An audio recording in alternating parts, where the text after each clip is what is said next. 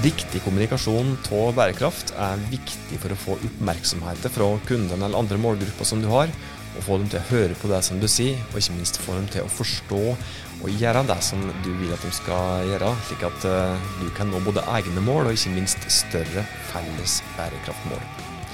Men hvordan kommuniserer du egentlig bærekraft? Det er tema for denne episoden av Hauspodden.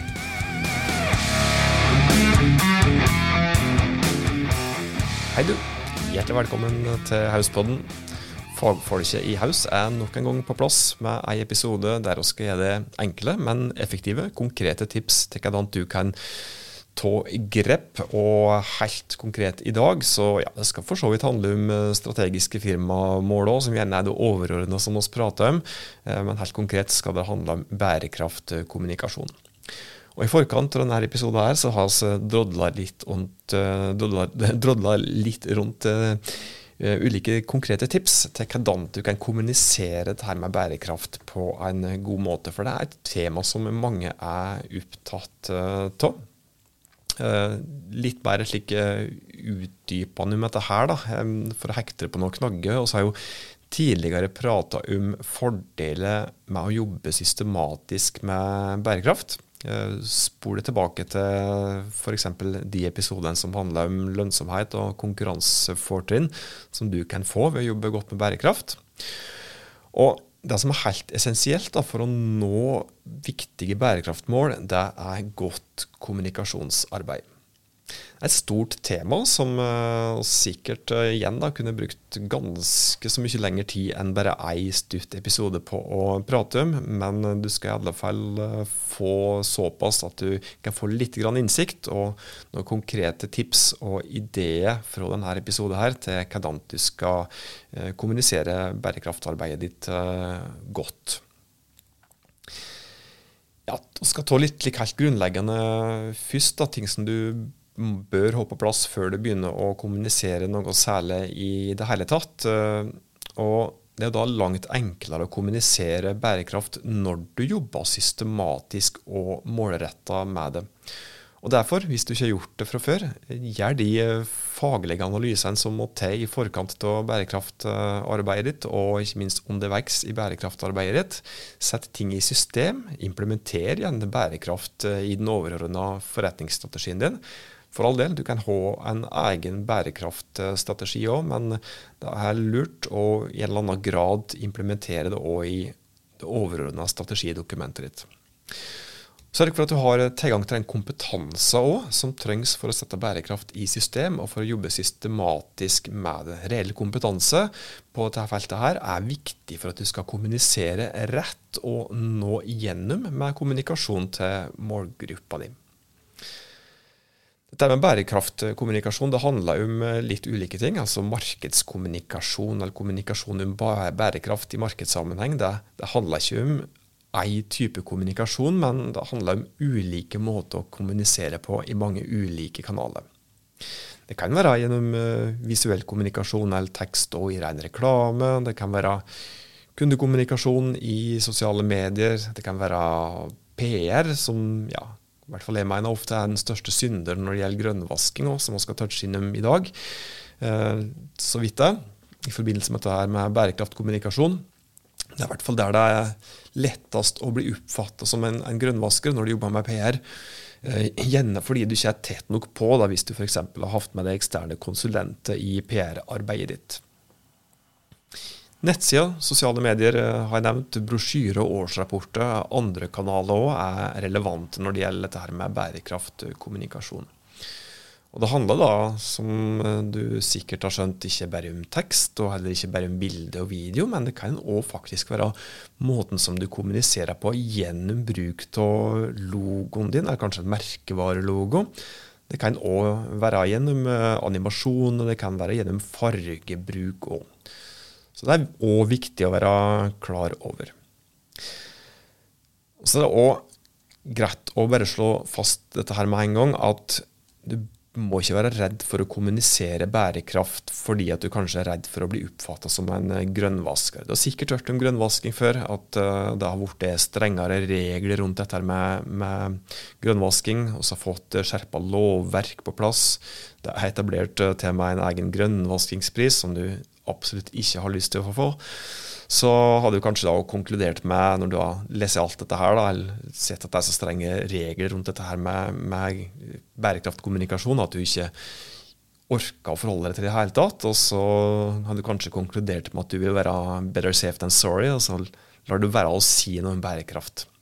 Men vårt råd er at sjølsagt så skal du kommunisere bærekraft som en følge til det du faktisk eh, jobber med. Og så har jeg da hatt ei eh, egen episode om grunnvasking òg tidligere, eh, der vi skal ha noen tips til hvordan du kunne unngå det. Så spol gjerne tilbake til den episoden der òg, for det òg kan hjelpe deg med å kommunisere på en bra måte. Men for å være helt konkret, da, komme med disse konkrete tipset, så handler det for det første om at du skal være ærlig.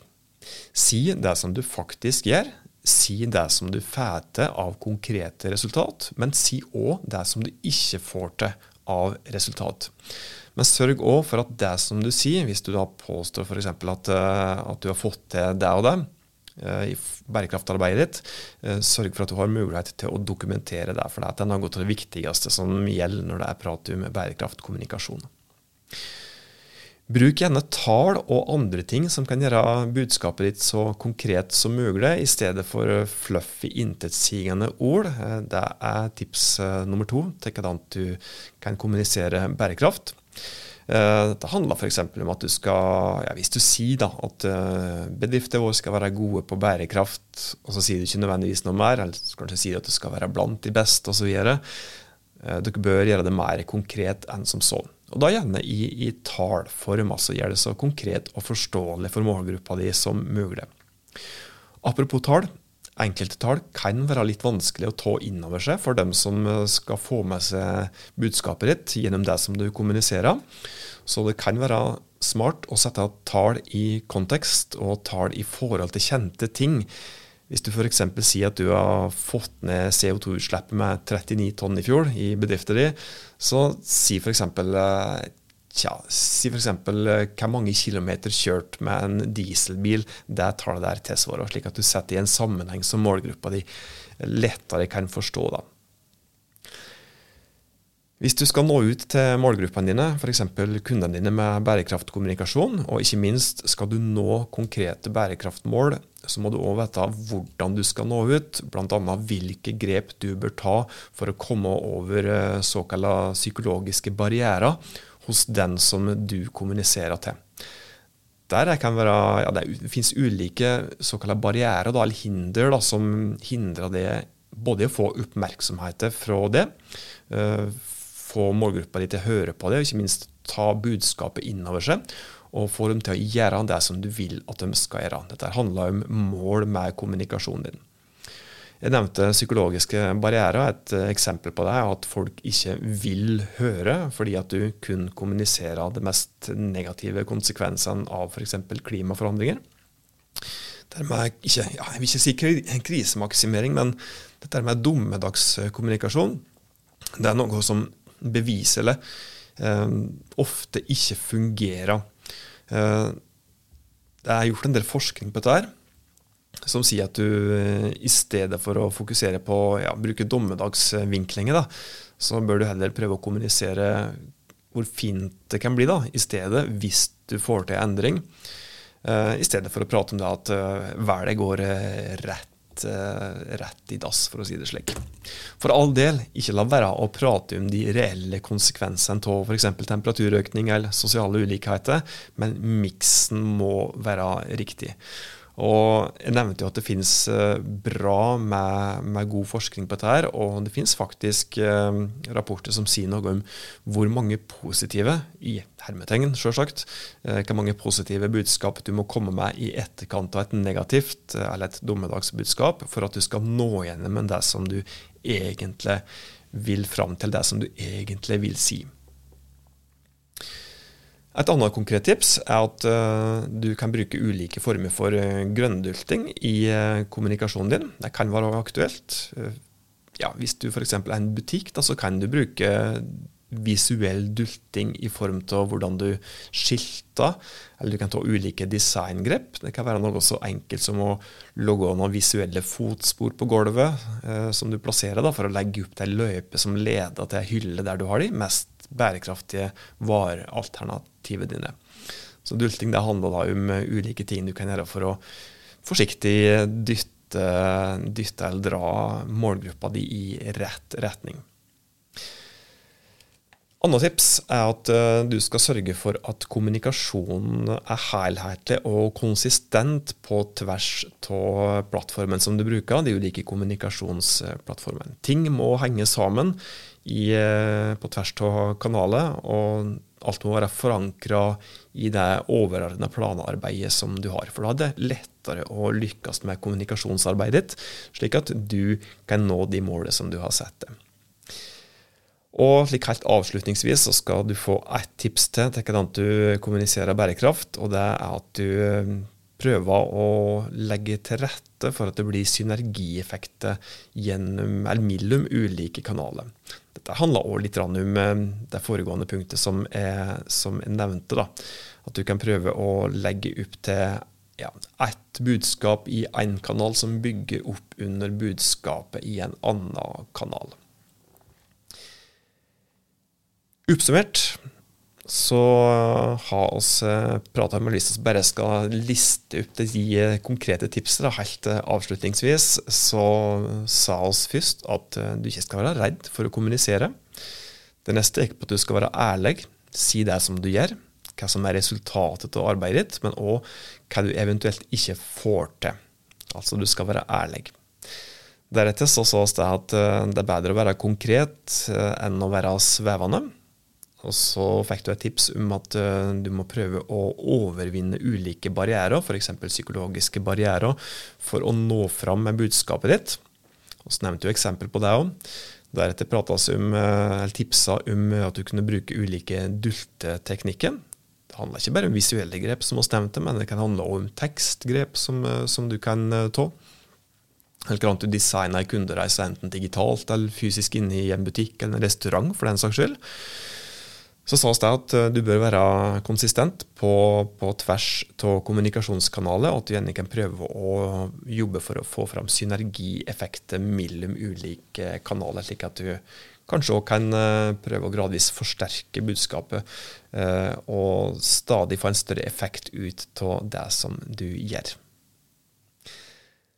Det var de konkrete tipsene til hvordan eh, du kan kommunisere bærekraft, eh, som du skal få i denne episoden her. Som sagt, et stort tema som vi eh, sikkert kommer til å prate mer om, men forhåpentligvis kan dette hjelpe deg litt mer på, på vei. Og Hvis du har noen spørsmål om bærekraft og kommunikasjon utover dette, her, så er det lov å slå på tråden til meg eller en kollega. Før oss avrunder, så skal vi faktisk tilbake til ukas framsnakk. For det er en stund siden vi har hatt i Hauspodden, og denne uka her så skal vi framsnakke villbrygg. Hvis du ikke har sjekka ut dem tidligere eller veit hva de gjør, altså, så leverer de da, eller produserer et alkoholfritt, botanisk og norsk eh, gode drikker.